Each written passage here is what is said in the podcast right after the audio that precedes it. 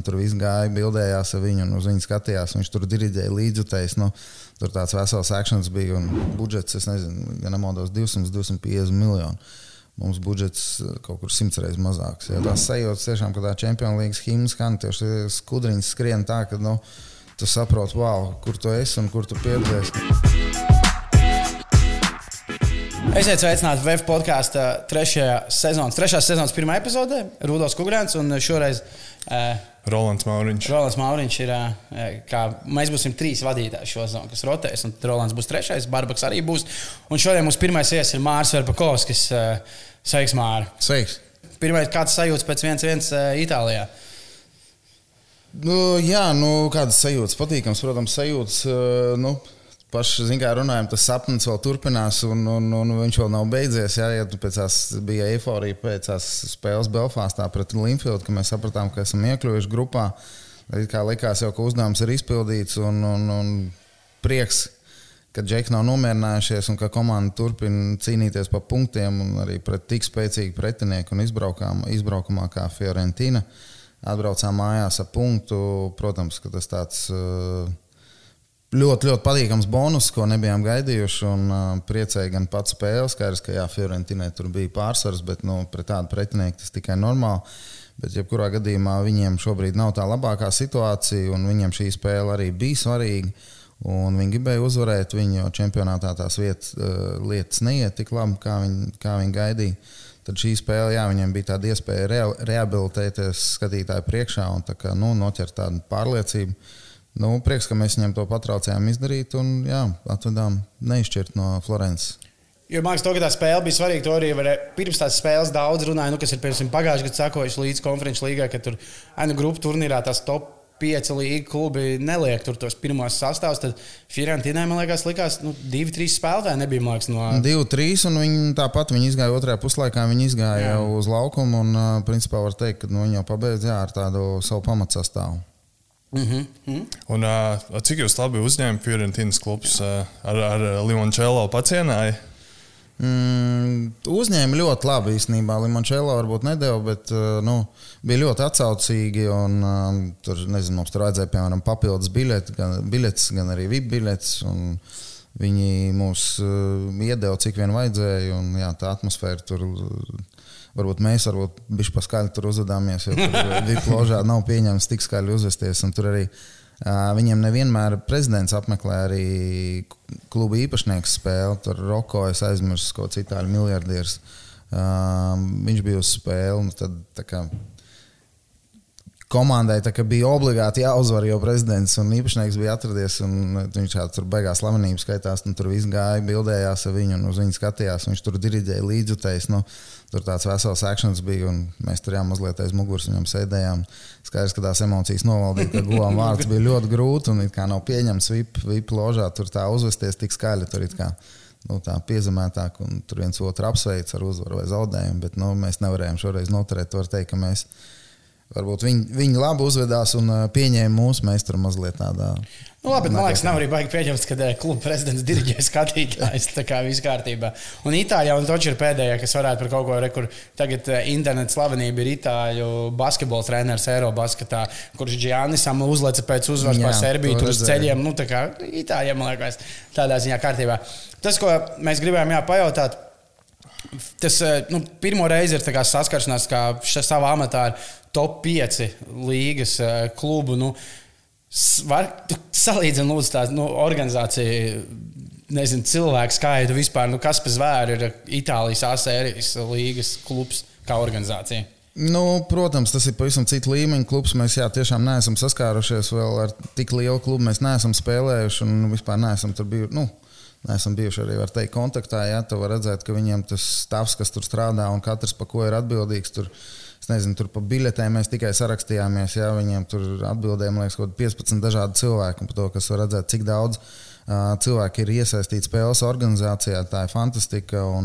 Ar to mēs šobrīd saskaramies, jā, jo mums te jāpiepilda 6000 ar kapekām, un, un, un mēs saprotam, ko nozīmē viena tāda spēles uh, organizācija, kur atbilst UFO prasībām. Skaidrs, ka Tas ir ļoti liels un augsts prasības, un mums to kā mazam klubam ir diezgan grūti izpildīt. Nu, bet mēs esam piesaistījuši diezgan daudz cilvēku arī klāt, lai mēs varētu organizēt tādu spēli tādā līmenī. Bet, nu, Fiorentina katru nedēļu spēlē ja, tādā līmenī un tādā mm, ar 40 tūkstošu skatītājiem katru.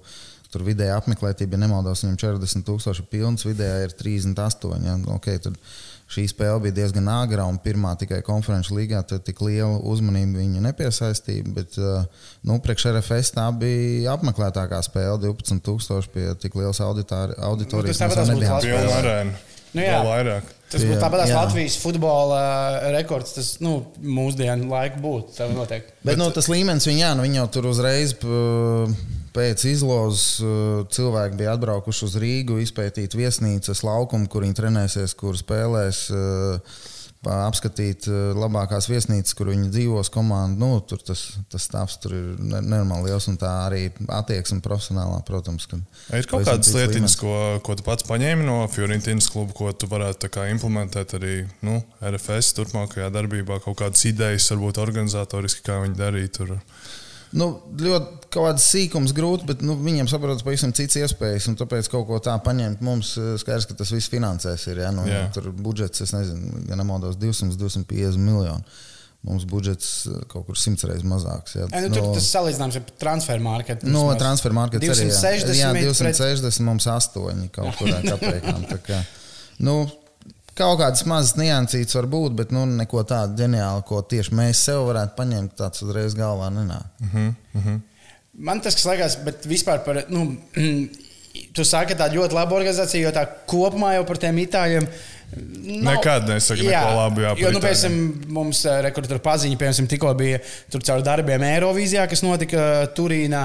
Nu, teica, ka tā esot vissliktāk norganizētā Eirovīzija, jo Itāļiem ir bijis tikai, jā, jā, gan jau kaut kas notiks, tāpatās. Ne, bet līdzīgi ir bijis arī VFA, nu, ka, ka mēs esam braukuši izbraukumos uz Itāliju. Nu, cik tā bijusi pieredze, tad viņi nav no tiem ātrākajiem, kas atbild uz e-pastiem, piemēram. Un, un, un, un, un, nu, tā, zin, Vai arī vienkārši tas futbols ir kā, nu, vēl tā kā next level? Kā, kā, nu, es domāju, ka. Nu, nu, laikam, jā, nu, nu negribu salīdzināt ar basketbolu, futbolu, bet nu, tomēr tajā futbolā ir tās prasības organizācijas ziņā beigas augstās. Es domāju, tāpēc arī it īpaši spēlējot kaut kādas Eiropas turnīrus, tur no UEFA ir ļoti augstas prasības.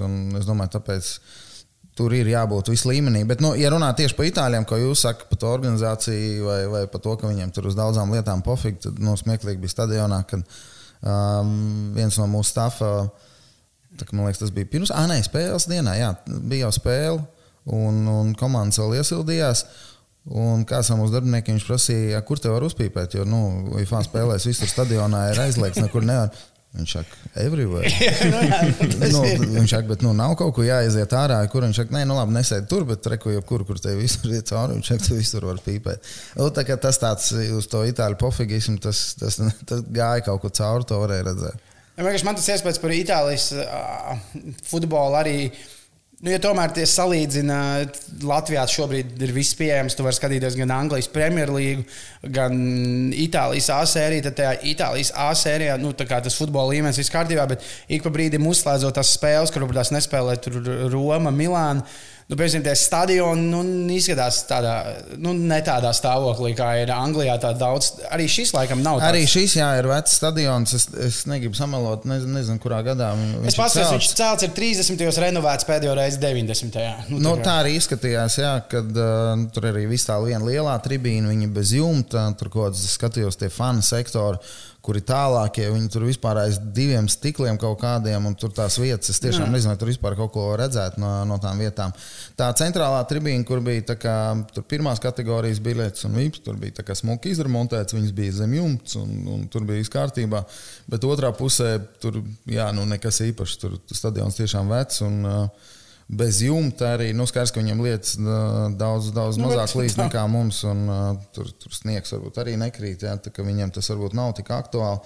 Bet uh, jā, Itālija laikam ir, ir tāda slavena saviem veciem stadioniem. Tur nav.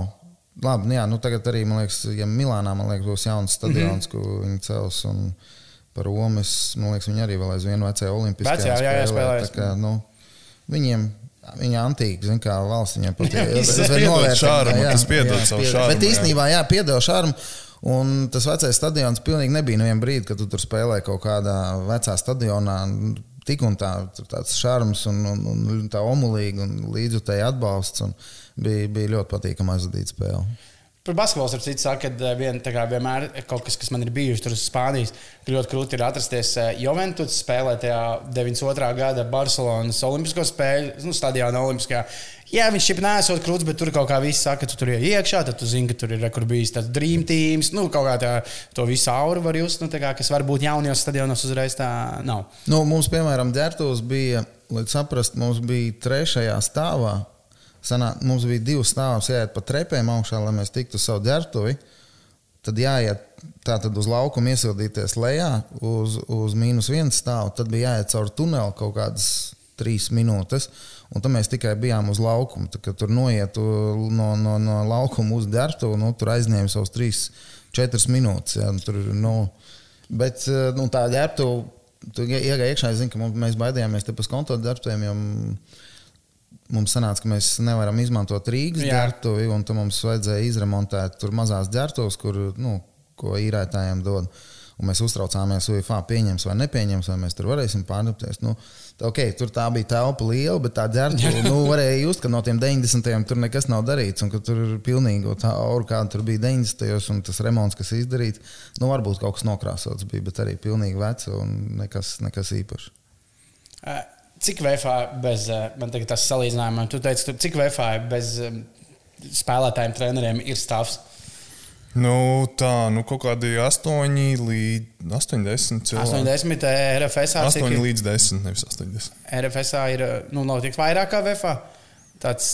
Es tagad skaitu, jā, nu, bišķi vairāk ir, bet nu, nedaudz arī nu, no, no, no 15 Pie 15, es teiktu, jā, 15 līdz 20. No, tad Fiorentīnā ir atsevišķi cilvēki, kas brauc paskatīties. Jā, jā. Nu, Fiorentīnā, nu, jā, es domāju, ka tur tas treneris stāvs, fizisko sagatavotību treneri, tie, kas ar, ar traumētiem spēlētājiem, video analītiķi, nu, es domāju, ka tur stāvs vien ir tieši, kas pie pirmās komandas tikai stāvs, es domāju, tur ir nu, līdz 40 noteikti kaut kur visi tie cilvēki.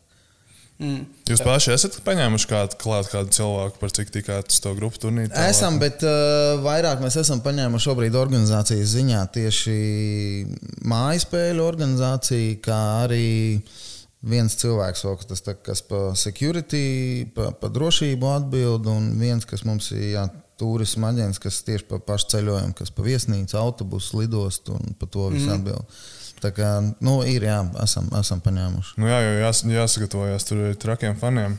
Skoti, turki. Bet Tur skotiem būs šādi laikam. Uh, Skoti šeit būs ļoti daudz atlidojuši. Būs interesanti pavērot viņu stadionā un, un skatīsimies, kurš kuru pārbļaus. Uh, Ir, ir Tur runāja, ka virs tūkstoša. Jā, būs kaut ko 1200. Varbūt vēl vairāk, jo iespējams, ka viņi nopirkuši arī kaut kādas vietas mūsu, mūsu sektoros.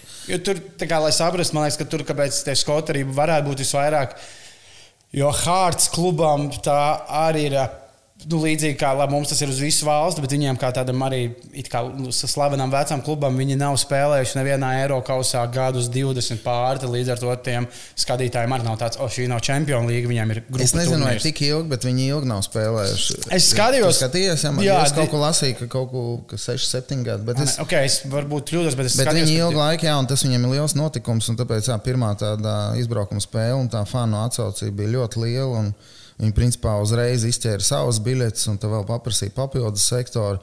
Tā kā jā, nu mēs gaidām, ka būs vairāk par tūkstošu. Nu, zinot, Britu fans, es domāju, ka tā atmosfēra stadionā būs nu, tāda rīktīva futbola atmosfēra. Tas, es domāju, ka mums būs ko pamācīties. Jā, bet man ir arī cerība, ka Britu fani, nu, es, tā, es, esmu bijis, es esmu bijis uz Skotijas Premjerlīgas spēlēm. Tur nu, viss ir, man ir sanācis, tur esot Skotijā, izmantot šo iespēju. Viņi arī nu, dzied tāpat kā Angļu. Es ceru, ka Viņi pavilks arī tos latviešu fans, kas. Jā, jā, jā. jā. es tāpēc domāju, ka nu, es arī ceru, ka tā tiešām atmosfēra iznāks, ka būs uh, soldāts un ka tā atmosfēra, ka mūsē tiešām pavilksies tiem kārtas faniem un, un nedos uh, sevi uh, vidu, kā Krievija saka, ka jā. viņi mēģinās viņus pārkliegt un atbalstīs, un ka mēs viņus dzirdēsim labāk par skotu faniem. Manā mazā atkāpē mans brālis ir ļoti priecīgs, kad ielozē Hārts, jo mans brālis dzīvo Edinburgā. Un, uh, viņam patīk futbols, un viņa priekšnieks, um, bērnības klubs un dzīves klubs ir uh, Hārts. Tāpēc viņš ir ļoti priecīgs, ka 27. Uh, oktobrī varēs iet ar priekšnieku. Cerams, ka tur viss labi beigsies. diezgan labi. Jā, īstenībā diezgan daudz raksturīgās ir diezgan liela interese tieši par spēli Skotijā. Kad, jā, nu, kā jau... viņi var nopirkt biļetes un jā, ierasties spēlēt. Jā, ceram, ka mums tur atbalsts arī tur būs uz vietas mm. Edinburgā. Mm. Tu vienā intervijā teici, ka tā, tikko tikai grupu turnīrā, kad ir jā, jāgatavojas, un ka tomēr grupu turnīrs ir pilnīgi nu, cits zvērs tajā organizācijas ziņā nekā, mm, nu, nekā tās kvalifikācijas spēles. Kas ir tās galvenās atšķirības, kam vēl ir jābūt klāt, piemēram, salīdzinot ar um, pēdējām spēlēm, piemēram, pēdējā mājas spēle pret Linfield, kas bija. Kas ir tās lietas, ka, ko vēl grupu turnīrs pieprasa? Uh, kas vēl ir klāta. Nu, tur pirmais, kas ir, tas ir stadiona prasības. Viņam uzreiz jābūt ar nākamajam līmenim. Tāpēc mums bija ilgi šaubas, vai vispār mums atļaus konto stadionā spēlēt. Viņš, A, kur tad viņam... spēlēt, ja neatļaut? Nu, Daugavā būtu jāspēlē. Daugavā, bet Daugavā arī īsti līdz galam neatbilst. Bet, nu, tā kā Daugavā mēs varētu, bet Daugavā bija problēma. Tur bija tas Raimonda Paula liela koncerts, kur viņi jau sen bija parakstījuši līgumu. Un pirmās divas kārtas mēs nemaz nevarētu, nu, pirmo vai otro spēli, vienu spēli.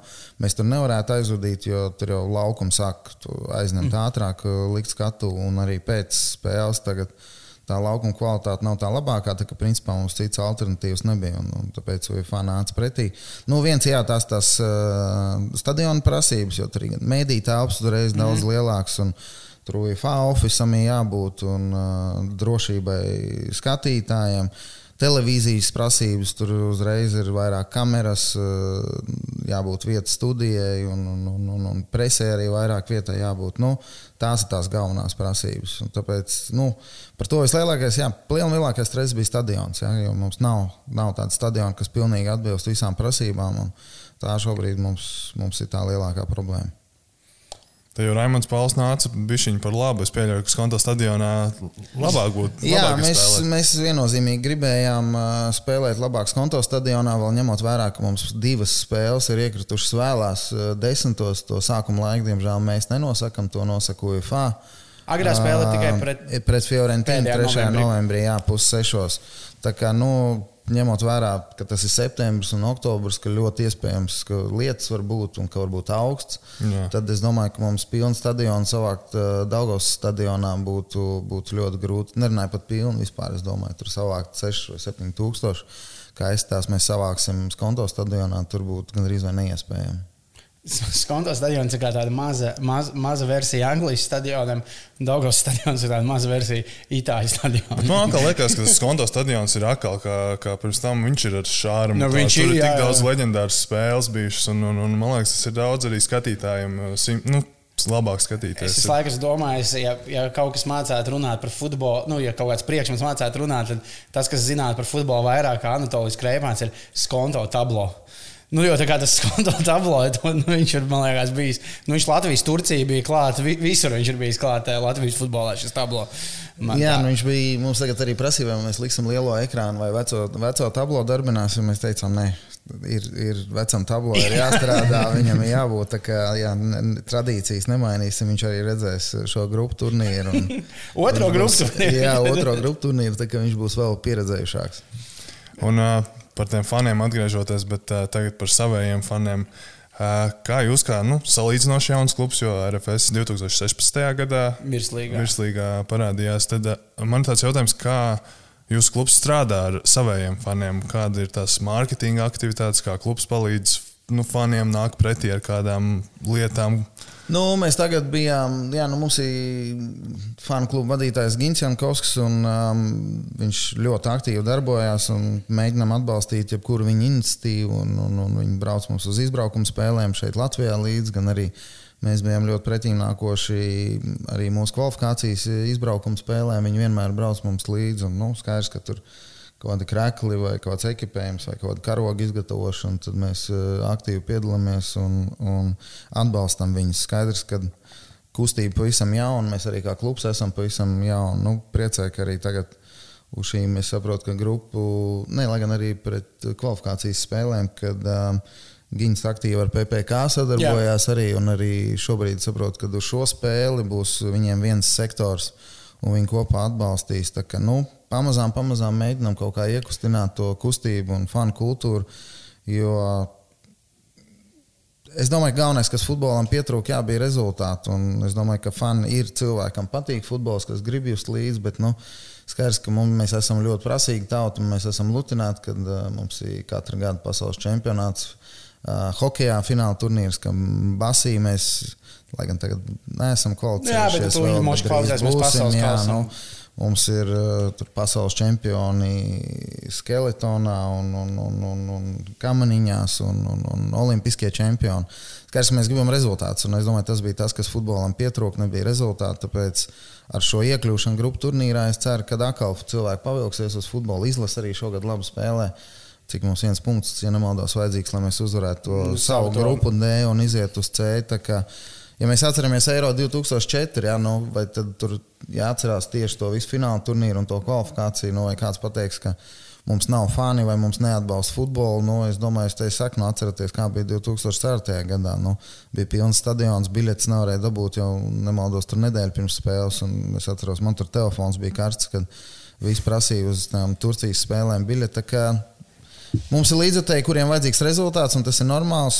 Tas ir normāli Un tas ir labi. Es tas priecē, ka mēs esam grupu turnīrā. Priecē, ka izlase labi spēlē. Es ceru, ka cilvēki pavilksies vien vairāk uz futbolu un atbalstīs, atradīs katrs savu komandu, kam just līdzi. Un, un, un, protams, arī nacionāla izlase, kam jutīs līdzi. Interesanti arī, ko darīs uh, Dienāmo fani. Jo, nu, par cik Dienāmo vairāk kā HL nespēlē, tur ir ļoti liela daļa. Jā. Ar faniem vispār. Nu, ok, viņi bija hockey fani, bet nu, tagad. Nē, bet ar citu par to jau, tā, kad bija Latvijas-Igaunijas Final Four, mēs taisījām vlogu. Nu, Lat arēnā, kad bija Nu, mēs tādus tād divus vai trīs neatceros, cik viņi bija tādi kungi, tādi no, 50 līdz pāri. Mēs prasījām, nu, kā jūs bieži nāks basīt. Viņi tā, nu, nē, mēs īstenībā tikai tagad sākām nākt basīt. Prasīt, kā, kāpēc. Viņi tā, nu, mēs bijām Dienāmo fani, tagad uh, vairs nav. Nu, mēs skatāmies, skatāmies, par ko fanot. Bet par to tu sāki Gins Jankovskis, vai ne? Jā. Bet viņš pats vienā intervijā teica, Es, viņš stāstīja par RFS, kā, kā, kāda viņa fani, kas man pirmkārt patīk, ka viņš ir izvēlējies fanot par RFS, kas es kā cilvēks no pārdaugavas. Kad viņš arī izvēlējās, tāpēc, ka nu, viņš to nu, no pārdaugos, tas ir pārdaugos klubs, ko es gribētu, lai tas notiek vairāk. Kad, nu, tā, nu, nu, par rajoniem. Jā, nu, tā lokāli. Bet viņš teica, ka Šo to mēs esam paņēmuši no iepriekšējiem RFS faniem. Tas nozīmē, ka RFS arī ir kaut kā nomainījies, kaut kāds tas uh, fanu klubs. Viņš kaut kādas divas reizes uzsvēra, ka nu, iepriekšējā darīja tā, man bija savi noteikumi, un tad dažiem varbūt tās tas tur kaut kā nepatīk. Jā, es saprotu, ka sākumā bija cita grupiņa, kas bija fanu kluba atbalstītāji. Un, bet, jā, nu es klubā es ceturto gadu, es tos pirmos divus gadus nebiju.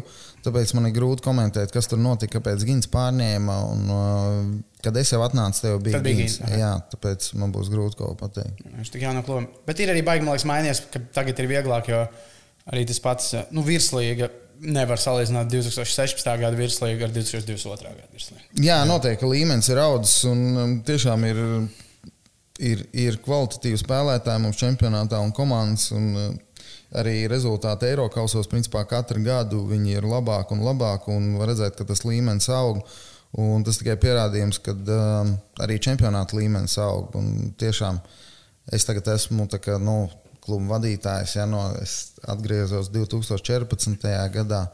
Es atceros, mēs tur vinējām ar Liepāju čempionātu 15. gadā. Nu, mums mēs tur vinējām ar budžetu 400-500 tūkstoši, ja nemaldos. Tagad ar to budžetu. Tagad ar to budžetu mums vispār nebūtu varianti. Jā, nu, labi, man tur vēl sakrit, ka daudz spēlētāji atgriezās no ārzemēm un bija gatavi uz liepā atgriezties tur pa mazāku algu, ja, un tāpēc tur viss tā veiksmīgi sakrit. Bet, jebkurā gadījumā, tagad cīnīties būtu. Nu, tā alga nevarētu būt. Jā, nu, ja godīgi, jā, laikam tā būtu. Tāpēc līmenis viennozīmīgi ir audzis.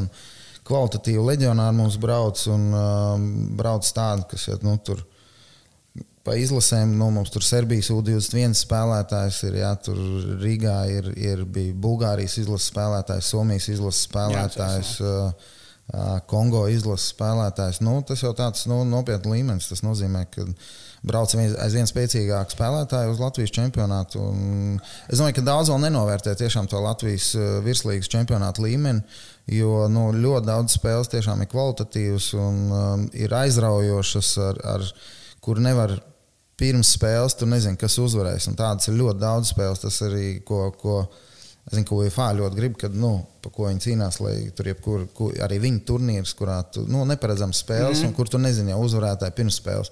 Un šogad čempionāta uh, virslīgas rezultāti par to liecina. Ja, tur Supernova mūsu apspēlēja, Supernova tikko apspēlēja, neizšķirt nospēlēja Liepāju. Viņiem tikko Tukums, tukums jā, Liepāju apspēlēja, nu, vai neizšķirt nospēlēja. Čempionāts ir neparedzams, čempionāta līmenis un priecē, ka augšējās komandas ir attīstījušās un Eiropā arī veiksmīgi cīnās. Mēs ar grupu turnīrā iekļuvām pagājušajā gadā. Mēs arī pret Akadēmiju Puškas, kas bija Ungārijas vicečempioni, mēs uzvarējām 3-0 un 2-0, kas skaitās arī ļoti labs līmenis un nu, Ungārijas otrā vieta. Tieši ar beļģiem pacīnījāmies, jā. jā, tur izbraukumā 2-2 mājās no viena zaudējuma. Tā kā... Tāpēc arī šogad eh, īsti labi tur tas tāds īpatnējs, bet Rīga Slovākijas otro klubu jā, vienkārši. Nu, jā, tā, tāpēc. Bez... Eh, es domāju, ka tiešām daudzi nenovērtē vēl aizvien šo čempionātu līmeni. Līmenis noteikti ir audzis un tas priecē. Un, un skatīsimies, kas notiks tālāk. Bet es domāju, šobrīd tā veiksmīgi sakrits, ka tur četriem, pieciem klubiem ir. Uh, īpašnieki, kur ir gatavi ieguldīt mm -hmm. savus mhm. personīgos līdzekļus. Šobrīd, diemžēl, vēl aizvien futbols nav pelnošs, ja, un grūti tur atpelnīt ja, televīzijā skatītājiem, vai ar attribūtikas pārdošanu, vai televīzijas translācijas pārdošanu. Tas nav iespējams, bet nu, veiksmīgi sakrits, ka ir tie īpašnieki, kuri ir gatavi ieguldīt savus personīgos līdzekļus. Vēl jau vairāk kā šogad, kad mēs esam iekļuvuši grupu turnīrā, tiem īpašniekiem viņi redz, ka arī no futbola var dabūt kaut ko atpakaļ. Jā, jo nu, mēs tur šogad savu budžetu noteikti esam atcituši, jā, tur varbūt kaut kas paliks pāri. Tas varbūt dos vēl lielāku motivāciju viņiem ieguldīt, attīstīties, attīstīt savu infrastruktūru, lai tas kopējais līmenis augtu. Es zinu, ka tev par stadioniem bija kāds jautājums. Stadioniem, jā. es gribēju šo sarunu pārvizīt vairāk. Man interesēja par derbiju vairāk un, un, un par to Rīgas saimnieka godu. Jo agrāk basketbolā bija barons un aiz, ka ok, tagad basketbolā mums ir Vēstures Vēnspils, tas vairāk nav par Rīgu, bet tas vairāk par tādu tā kā līgas derbiju. Es gribēju uzjautāt, par cik Rīgā ir divi lieli klubi. Cik svarīgs ir šis derbijs Rīgas FC pret RFS, un nu, cik svarīgi ir būt Rīgas saimniekam un, Un vai tā ažiotāža arī novērojama lielāka tieši uz šo spēli, piemēram, mm, Jā, noteikti, ir. Mēs redzējām, ka uh, bija, bija iepriekšējā kārta, nevis tagad, kas bija, bet uh, otrajā aplī, kad konto stadionā bija spēle, 4000. Nu, gandrīz 5. Gandrīz 5000 bija atnākuši, jā, un lieliski ažiotāža bija un lieliski uzrīkot svētki. Un um, skaidrs, ka viņi mums un mēs viņiem esam principiālie pretinieki. Uh, Varbūt ne tik daudz mēs par to Rīgas uh, saimnieka titulu cīnāmies, cik vairāk par čempionu titulu. Jo skaidrs, Jā. ka Rīga bija uh, četras gadus pēc kārtas, ja nemaldos, bija čempioni. Un pagājušajā gadā beidzot mums, uh, vai trīs, ne, trīs, trīs, trīs laikam, jā, mums izdevās pārtraukt viņu uzvaras gājienu, un tāpēc mums viņi bija principiālie pretinieki. Un, jo viņi bija galvenie favorīti uz, uz čempionu titulu. Tāpēc tas mums jā, sanāk bija trīs, jo es vienkārši pēc stūgļa skaitu. Jā, Stūglim ir seši čempioni, tas nāk divi Spartaks, trīs Rīga un jā. viens RFS. Pēc tam viegli, viegli izskaidrot. Elis Stūgls ir pēdējo sešu gadu Latvijas gadu... virslīgas čempions ar trīs dažādiem tituliem. Kristaps Pūrnis savā laikā. Jā, jā tas ir basketbolā. Bet uh, vēl viens jautājums, kas man interesēja. Rīga FC neprasa lielāku īres cenu jums, kad jūs uh, spēlējāt konto stadionā. Nav tur tāda, mm. kādas vispār ir tās attiecības ar IGFC. Jums viņas ir draudzīgas, vai, vai tur tāda arī konkurence ārpus laukuma ir? Te jāpasaka liels paldies jā, FC Rīgā vadībai, ka viņi panāca mums pretī. Jo skaidrs, ka viņi varēja arī pateikt, ka uh, stadions netiks izīrēts. Uh, par ciparu runājot, nu, varbūt viņi mazliet lielāku uh, ciparu paprasīja, bet tas arī ir normāli, jo tur ir diezgan daudz, kas arī jāizdara, un diezgan daudz spēka arī no viņa puses ir jāiesaist. Uh mhm. -huh. Plus tur vajadzēja arī pārcelt audas spēles, lai laukums nebūtu pārāk noslogots. Nu, teiksim, tā, es, es pateiktu, ka viņi adekvāti cipari paprasīja. Skaidrs, ka viņš ir diezgan augsts, bet es teiktu, ka adekvāts. Un paldies viņiem, ka viņi panāca mums pretī. Tiešām, jo es no sākuma domāju, mums bija tā doma, ka mēs gribam skonto stadionā spēlēt, un man bija tāds bažas. Es domāju, ka es prasīšu, nu, kad no viennozīmīga atbilde būs, ka nē kad uh, laukums mums pašiem ir vajadzīgs. Viņš ir aizņemts spēlēt Dāngos stadionā. Nu, jo tās attiecības kā pa viļņiem, tas mazliet labāk, tu mazliet sliktāks. Un skaidrs, ka mēs tur arī par čempionu titulu viņiem cīnāmies. Nu, skaidrs, ka Valmiera, kurš šobrīd ir priekšā, bet nu, savā starpā mums arī ir tādi principiāli pretinieki. Bet jā, vēlreiz tikai paldies. Tāda veselīga konkurence. Jā, tāda veselīga konkurence. Viņi panāca mums pretī. Mēs diezgan ātri vienojāmies un, un, un, un, un paldies viņiem. Tas, kas man tajā Rīgas derbijā liekas, ka Jūs visādā ziņā vispār liekas tādi ļoti citādāk klubi. Nu, visādās pieejās, kaut vai jau sākot ar eh, pat faniem. Ja skatās kaut kāds sižets, tad, eh, piemēram, ja RFS fani ir vairāk, kā mēs dziedam dziesmas, vispār jau tad Rīgas fani sāk, nu, mēs neesam tur 250, mēs citīsim bungas. Nu, tā kā ir bungas, tad arī kaut kā varbūt tās RFS kopumā liekas tāds pieejamāks. Es tā, tā kā grūti izskaidrot, bet priekš kaut kādiem dažādiem video sižetiem un tādām lietām, tad uh, Rīga atkal liekas tāds nu, noslēgtāks, kas arī kā, man liekas interesanti, ka tā kā derbijas, plus vēl tie klubi kā, liekas nu, jā, ļoti dažādi šādā izpratnē.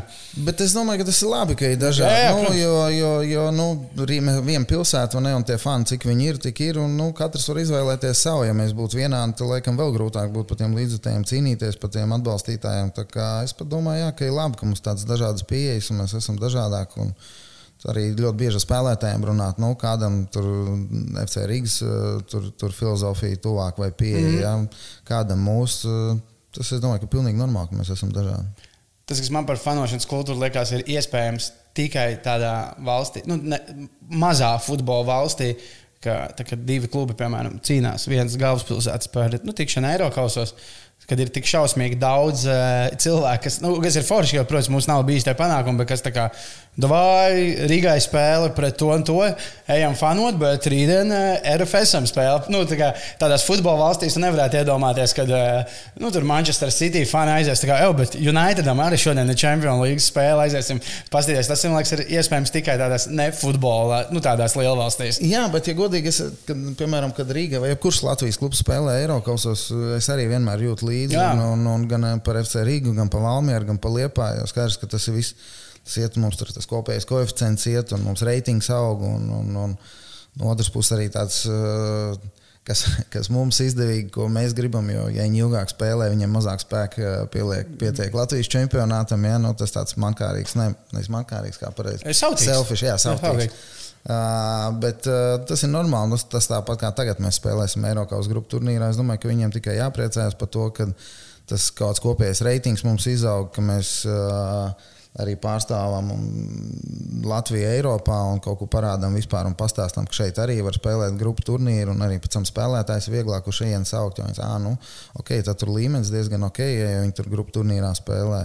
Nu, un otrs, ka mēs arī nogurstam, protams, ka mēs pēc tam ir grūti pārslēgties Latvijas čempionāta spēlēm. Pēc trīs dienām ir, ir tā ir diezgan liela problēma. Jūs esat citur Rīgā šogad, tas ir vēl viens pierādījums, ka Latvijas e, futbola čempionāts nav tur tāds sēdz turnīrs ir tas, ka nu, Rīga it kā šodien diezgan nu, mēģināja to, ka Eiropas spēlēs mums spēlē viena 11 spēlētāju, un tad virslīgas čempionātā mums spēlē otru 11. Nu, bezmazliet tā bija. Nu, viņiem tur nebija tādi super rezultāti tajā nogriezienī. Diemžēl mums tas pats, un mēs, Arī. mēs samaksājām dārgu cenu. Mēs salaspīlī, supernovē mēs zaudējām, un, jo nomainījām gan arī visu sastāvu un gribējām atpūtināt. Ja nemaldos, tas bija starp Linfield spēlēm. Jā. Vai, vai pirms pirmās Linfield spēles varētu nu, būt. Kaut kur bija. Jā, nu, kaut ko.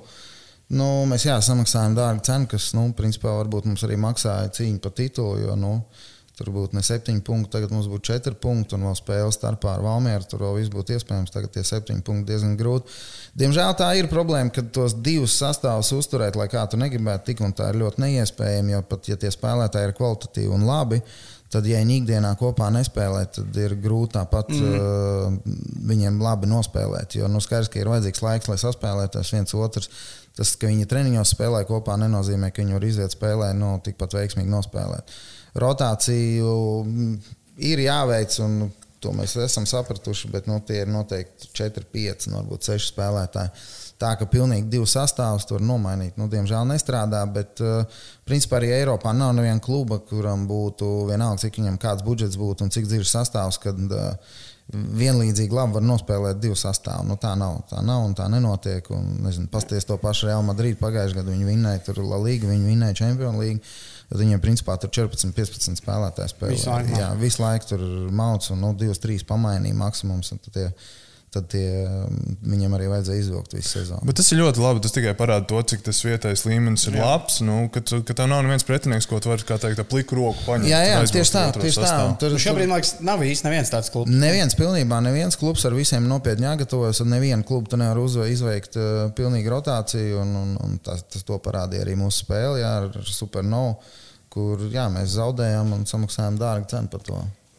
Ļoti forši. Basīts varētu tikai sapņot, ka jūs varat uh, atpūtināt uh, FIBA Champions League spēlētājus. Nu, mēs esam tikai par, lai celtos uh, vietējais līnijas līmenis, bet man vēl ir jautājums, ko es gribēju no kluba iekšas varbūt izvilkt nedaudz ārā. Uh, jums klubā ir kādas iekšējas tradīcijas vai rituāli, piemēram, ko jūs dzimšanas dienās darat? Tas varbūt tas tāds. Jo, paiet, tu zini, nu, VFM ir. Jā. VFM ir tradīcijas. Mēs tur, mums tur katrs nes spēlētājs pīcis ar pīcām uzstājās, vai arī vēl tradīcija ir, kas iemet simto punktu. Uh, tas arī uzstājās ar gardumiem visai komandai. Es gribēju pajautāt, vai jums ir kaut kādas tradīcijas klubā iekšēji? Un, nu, nekas tāds īpašs, baigi tam, kam dzimšanas dienu viņš atnes kaut kādu torti vai, vai, vai, vai es nezinu, vai kaut kādas tur eklēras vai kaut kādas saldumus un uh, uzsauc komandai. Tas, tas arī. Tas vai mājiņticības varbūt kaut kāds. Tas jau laikam katram ir. Nu. Katram savs, jā, kaut kas tāds kopējs, gan nenāk galvā. Katram tur ir visādi savu brīnumu, vienam tur, bet labi, nu, ļoti dažādi. Starp citu, tikko raidījumā Eksi, kas ir tas, par, kur ir tagad VF darbinieks Jānis Blūms. Viņš tā kā, man liekas, ka man liekas, viņš pats nezina, ka tas ir tikai teiciens. Viņš atzinās, ka viņš visu karjeru pirms gāja laukumā, tā kā actually uzmīza uz pirkstiem. kā, jā, tas bija viņš, jā, es redzēju, jā, jā. Tikai, es redzēju tikai virsrakstu. Man gāja pieci dodas. tas man likās tā, nu, ok, bet ne, viņš teica, ka viņš nomazgāja laikā. Bet, nu, stil. viņš tiešām to darīja. Bet, nu, neko darīja. Tur ūdeni noskatīt. Nu, labi, tas tā. Man kaut kas stāstīja, ka pirms diviem gadiem VFā bija tas, kad pirmais, kam bija dzimšanas diena, bija Kāls Almans, iespēlētājs. Un visi viņam teica, o, tev rīt dzimšanas diena, tev jāatnes pīcis. Viņš, viņš neatnes. Viņš neatnes pīcis, un tad viņš skatījās, ka, kā, kad nākamajā bija dzimšanas diena, ka tā, kā, blēns, tā actually ir tradīcija, ka viņš vienkārši kaut kādā nu, random dienā atnes pīcis. Es atvainojos, ka neatnes. Dubultā viņam vajadzēja savā neatnest, vajadzēja samaksāt dubultā cenu. Bet, jā, tu teici, ka piesaistīt mazliet vēl tādu spēlētāju, nu, ka Champions League palīdz. Tad es zinu, ka pēc nu, VFM tas, kas ļoti palīdz piesaistīt spēlētājus, ir, ir Rolex. Man varētu piekrist, nu, ka spēlētāji jau vairākus gadus redz, kur pēc VF kur leģionāri tiek divu gadu laikā. Nu, kā, nu, tiem leģionāriem liekas, tā ir. Viņi redz, ka tur citi jau tagad Spānijas līgā spēlē, Francijas līgā. Tas... Jā, tas droši vien varētu būt līdzīgais arī ar RFS, jo VF daudz izmanto tādu tā kā soli, lai pakāptos tālāk, nākamajā līmenī. Tāpēc, ka nu, VF piedāvā to Champions League skatu FIBA, kas ir starptautisks turnīrs, un tie spēlētāji arī piekrīt dažreiz par tādiem izdevīgākiem nosacījumiem, bet parakstīt šeit ar tādu skatu nākotnē. Un, Nevis spēlē kādas līgas desmitajā klubā, kas ir. Nu, jā, nu, piemēram, nevis viņš ietur uz Spānijas desmito klubu, bet, nu, kas ir ļoti labs ACB līmenis, bet viņš paraksta šeit, viņam ir tas skatu Champions League. Vai, vai jums arī tā ir komandā ar tādu? Mums ir ļoti līdzīgi, jā, tas mums palīdz mūsu gadu, iepriekšējo gadu veiktie transferi. Ja mēs divu gadu atpakaļ uz MLS oforu pārdevām. Jā, par gandrīz miljonu mēs pārdevām pagājušajā gadā Lemaiču uz Gentu. Un, protams, tā ir pirmā lieta, ko mēs stāstām, parakstot kādu spēlētāju vai perspektīvu. Jā, perspektīvu spēlētāju nezinu, no, no, no, no Serbijas vai Horvātijas vai no Brazīlijas, Āfrikas. Tad mēs sakām, nu, mums nav plāns tev te noturēt. Mēs gribam tur trīs vai četru gadu līgumu, bet plāns nav tev te noturēt trīs, četrus gadus. Plāns ir tev tur labi iespēlēt, lai tu sev labi parādītu pēc gada, divas mēs tev esam gatavi atdot un, un, un uz augstāku čempionātu, uz augstāku līmeni. Uh, tu palīdzi mums, un, un, un mēs pēc tam palīdzam tev. Protams, ka tas strādā, un tie veiksmīgie transferi īpaši tie palīdz. Un uh, pārliecināt spēlētājs nevienmēr izdodas pārliecināt. Uh, It īpaši no, no, no, no Balkāniem, teiksim, ja tur Horvāts vai Serbijas perspektīvos, nu, mums izņēmuma gadījums Ilīčs, ja, kur mēs dabūjām, kurš tagad ir uh, Um, viens no rezultatīvākajiem virslīgā, un tagad arī tikko guva pret Fiorentinu guva vārds, pa kur jau izrāda interesi. Uh, daži klubi, un iespējams, ka pēc šīs sezonas viņš arī šī sezona būs pēdējā viņam virslīgā. Bet nu, vēl nekas konkrēts nav. Uh, tas ir tāds reti izņēmums, jo pārsvarā Balkāna viņi tomēr redz, ka viņi uzreiz var aizbraukt kaut kur uz Eiropu, uz kādu labu čempionātu. Viņiem tas Horvātijas un Serbijas čempionāts ir diezgan spēcīgs, lai tur sev parādītu. Un, Un viņu vēro tur uz katru spēli. Es pats esmu bijis tur kaut kāda nenozīmīga spēle. Tur tāpat kāda 10, 15 skauts sēž un skatās. Un, ja tu tur gūsti kaut kādas 2, 3 vārds, un tev ir 16, 17, 18 gadi, tad uh, uzreiz jau tu piesaisti interesi un tu vari aizbraukt ļoti ātri. No tām valstīm mēs parasti tādus pieredzējušākus spēlētājus ņemam, kur jau saprot, ka varbūt viņi to nākamo soli neuztaisīs. Un tāpēc viņi ir gatavi braukt pa, pa labu atalgojumu pie mums, jo Rīga visiem patīk, labi pilsēta, čempionāts arī ok, plus Eiropas. Tas viņus apmierina. No Āfrikas, no, no Dienvidamerikas tur ir vieglāk pārliecināt spēlētājs, jo viņiem Latvija ir Eiropa. Un viņiem, jebkurā gadījumā, tas skaitās kā solis uz Eiropu jau un tuvāk tā, tur top 5 čempionātiem un, un augstākam līmenim un čempionu līgai.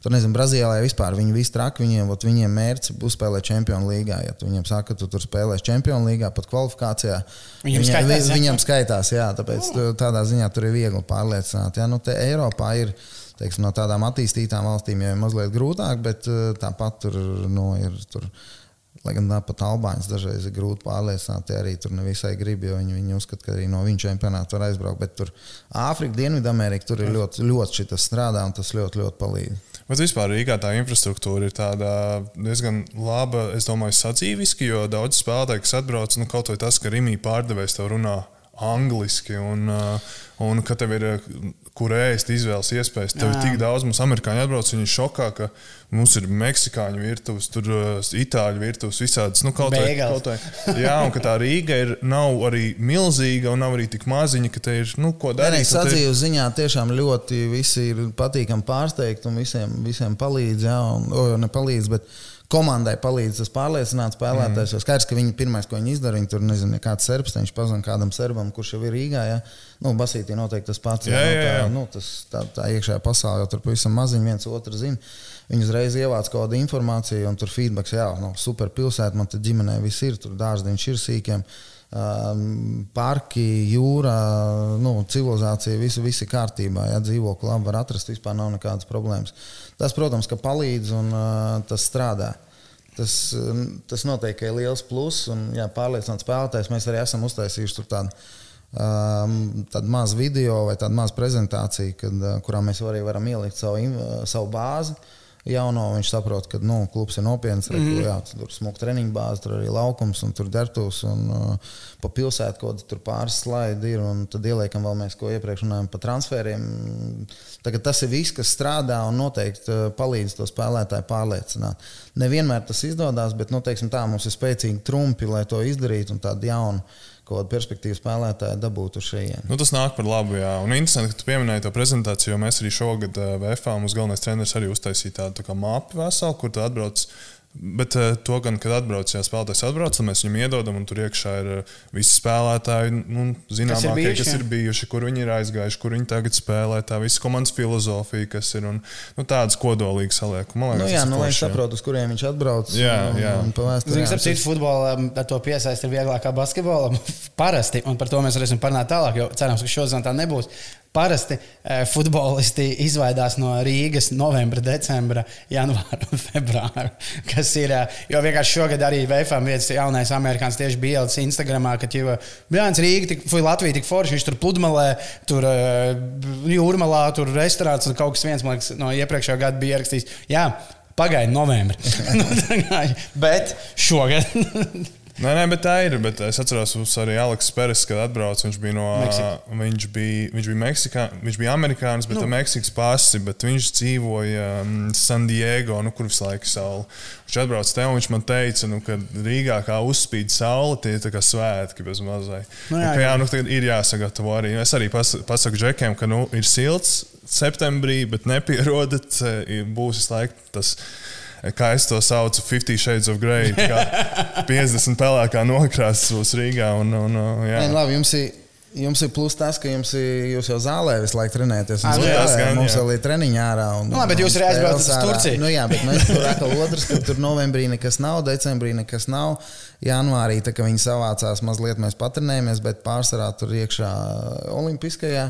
Un tad februārī mums ir treniņa nometne. Nu, un marts tad vēl ir tā, ka jā, tur ar tādiem sakostiem zobiem. Jā, tie stadioni jau arī nu, jā, tie skolas stadioni, jā, no sākuma tas ir, tā ir problēma. Un, un, un tur ir tīpaši ir reāla problēma, ka tie, kas atbrauc pirmo reizi un pirmais gads no Āfrikas vai, vai no Dienvidamerikas, ja kāds Brazīlijas, tad tas pirmais gads viņiem ir, kamēr viņi saprot vispār, kas ir sasals laukums, sintētiskais sasalus bumbu. Un, nesaprotu, kā, kā var spēlēt futbolu, ka tev viss pirksti ir nosaluši. Jā.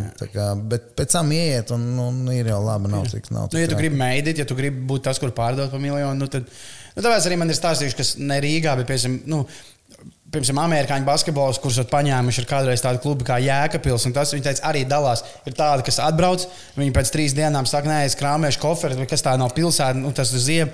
Un tad ir tādi, kas saprot, ka nu, man vienkārši te ir jāatrenējas. Šis ir tas brīdis, kurš var nu, tikt pēc tam tālāk. Bet par šo sezonu un spēlētājiem. Okay, ir bijis tikai viens neizšķirs, bet šī sezona var gadīties, kur uh, var sanākt, ja viss notiek nu, super perfekti, ka jums ir jāspēlē arī februārī. Kāds ir tas nu, par spēlētāju līgumiem? Un... À, nu, interesē, jā, kā, nu, kā, kā teikt, slēgtie līgumi, jo virslīgi, ja nemaldos, beidzās novembra vidus. Jā. Novembra sākums, bet, ja jūs tiekat tālāk, tad nākamā kārta ir pēc Eiropas kausā ir februāris, februāra beigas. Un, tā komanda jūs noturat to esošo. Nu, jūs esat domājuši pagaidām jau par to. Nu, labi, vēl ir pārāk par to runāt. Nu, ne, bet, nu, jā, tā, teiksim, bet tas mums ir ilg, pārsvarā ar visiem ir ilgtermiņa līgumi, un tas nav atkarībā no tā, vai mēs tur tiksim vai netiksim tālāk. Ja? Lai gan es saku, par to ļoti, ļoti pārāk runāt. Gan arī vai visu mēs mēģinām parasti visu kodolu saglabāt, mm. un īpaši tur, kas ir gados jaunāk, kas ir perspektīvas spēlētāji, viņiem uzreiz tiek noslēgti 3, 4, dažreiz 5 gadu līgumi, lai mēs viņus varētu, jo skaidrs, ja viņš izšauja, parasti viņš neizšauja uzreiz pirmajā gadā, viņš tur izšauja otrajā, trešajā, un ja viņam uzreiz beidzās līgums, tad mēs viņu vienkārši zaudējam.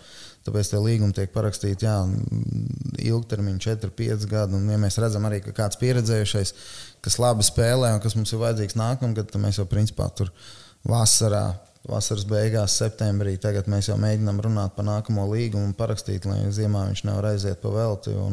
Mēģinam, nu, tā, tā izmaiņas būs, ne, bet tas nav at, nu, tur, nezinu, 20% no sastāvā. Nu, jā, jā, bet kodols paliek, un tad mēs nu, ar dažiem nepagarinām, daži aiziet, jā, vai dažus varbūt nopērk. Nu, tad, tad ziemā atkal meklējam uz to. Bet tur jau ir prāva summa, ienāk, cik es zinu, kaut kāda desmit vismaz. Ja tiek ārā no grupas. Jā. Jā, es nezinu, cik tālu ir. Godīgi, es neesmu skatījies. Nu, tur ir es neesmu diezgan jā. No. Bet, laikam, tā ir tiešām tad ir jāsaka, tā ir tā liela atšķirība, ko basketbols lēnām sāk iet ar tām izpirkuma maksām. Bet tas, laikam, ir tā atšķirība starp basketbolu un futbolu, kad tomēr basītī tāds līmeņa klubs kā Vēfs.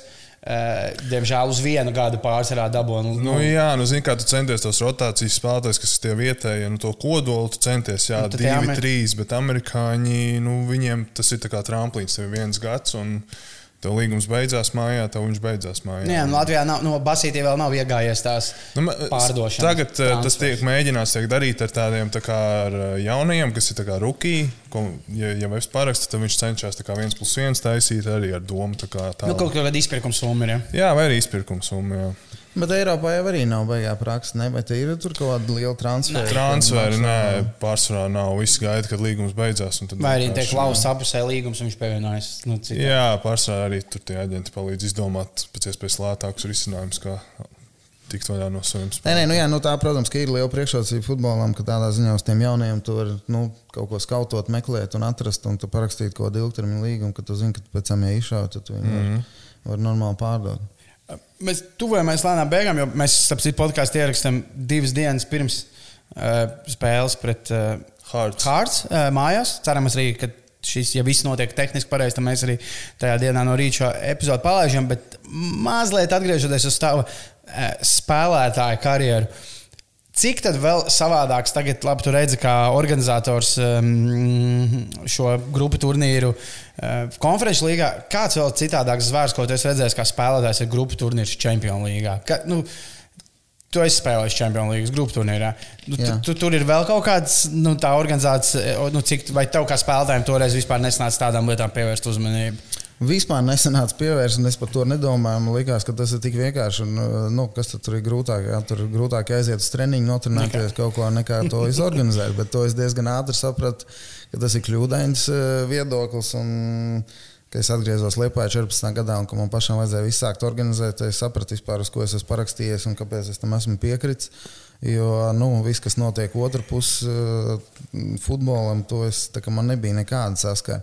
Es tagad, varbūt, redzu, mēs vakar tieši bijām ar UFA pārstāvjiem vakariņās. Viņi šobrīd ir šeit jau no pirmdienas seši cilvēki, kur visu laiku ir skonto stadionā un jau dara visas lietas, lai spēli organizētu. Es domāju, ka katrā stadionā ir jā, tādi. Jā, un viņi tā kā veica, venue managers, tā kā jā, venue, jā. venue direktors, un tur uh, visi tie sainiģi uh, cilvēkam jāizlīmē visu un jānoņem visas reklāmas, jāuzlīmē savas reklāmas.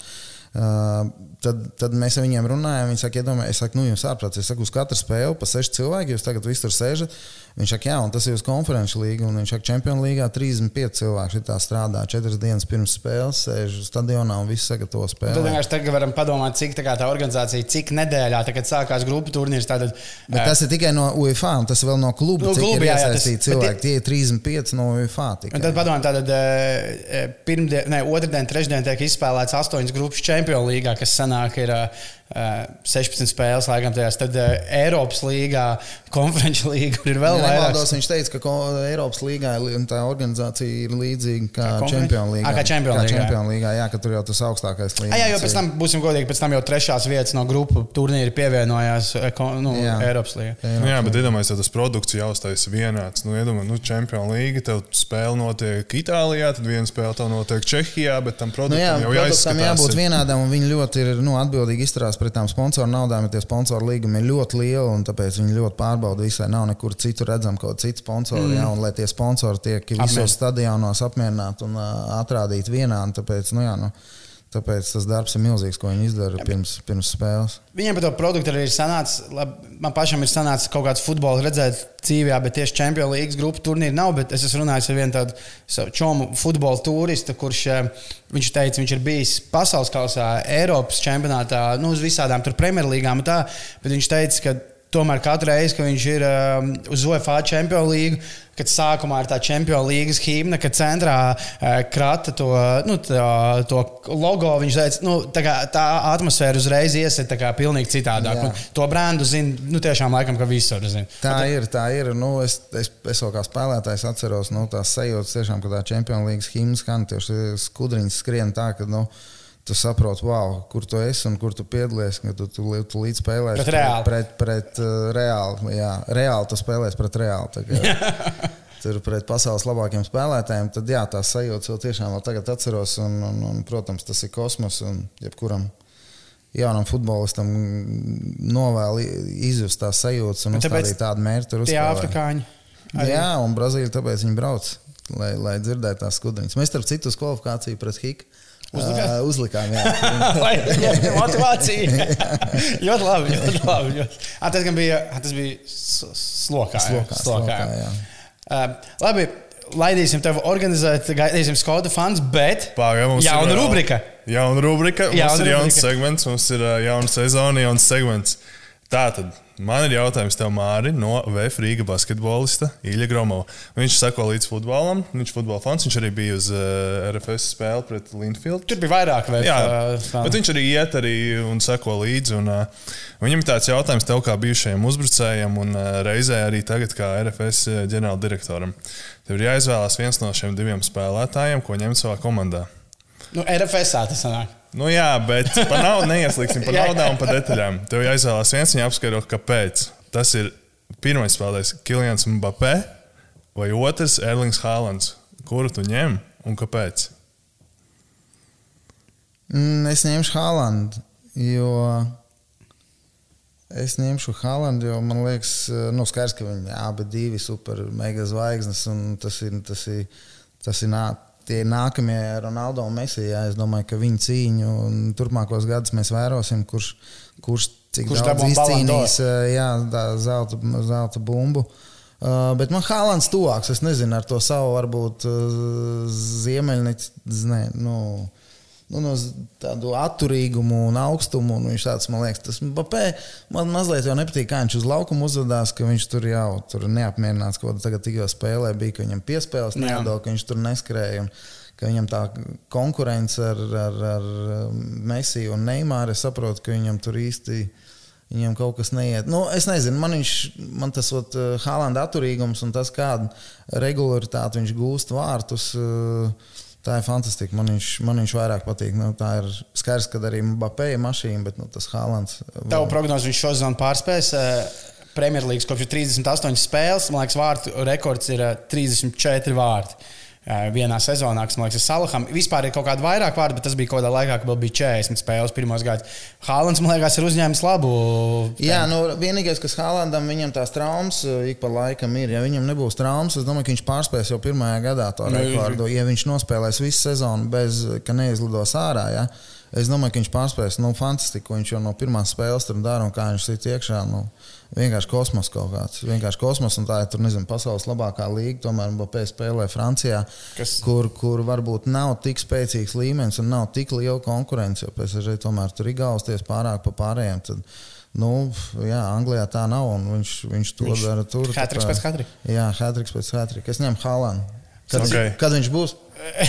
viņš jau brauc. Nē, bet es saprotu, kāpēc viņam iet labi RFS un MVP varbūt nē.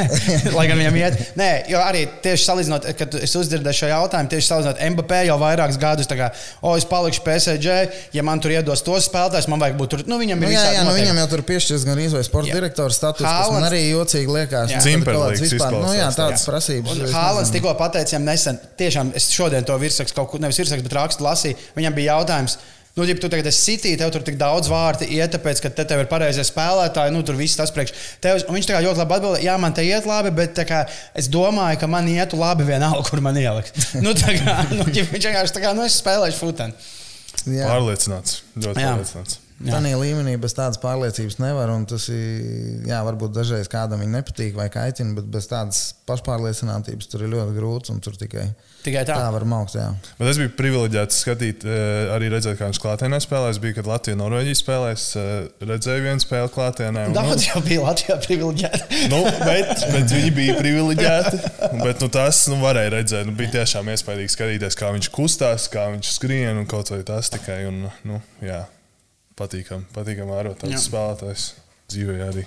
Jā. Novēlam, novēlam RFSam parakstīt arī kādu dienu no Erlinga Haalandu.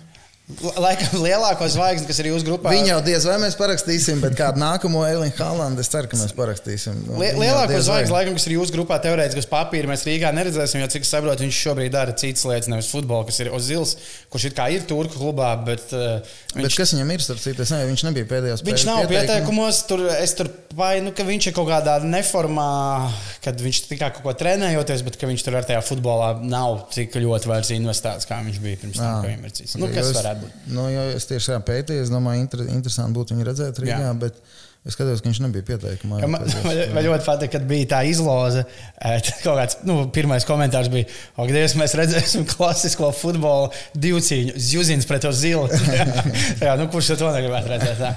Paldies, Mārka, ka atnācāt. Lai labi, un tad, ja jūs skatāties šo spēles dienā, ah, biļets jau ticamāk būs tiešām soldāts. Ja? Uh, izskatās, varbūt es tagad uh, kaut kāds biļets vēl būs, jo mums tur kaut kāds skaits bija pierezervēts uh, akadēmijām, un es, ja viņas nebūs izpirktas, tad viņas būs pārdošanā. Varbūt vēl ceturtdien kaut kas, kaut kas ir pieejams. Jā. Bet, ja ne Hārts, tad nākamā spēle ir vēl. Uh, ir vēl Turcija. Šī ir 6. oktobris. Un 3. novembrī. Un 3. novembris Fiorentīna. Fiorentīna nu, ko sekojiet līdzi ar FSM, sekojiet līdzi VFam. Tiekamies nākamajos podkāstos. Tiekamies nākamajos podkāstos. Paldies. Paldies. Paldies tā.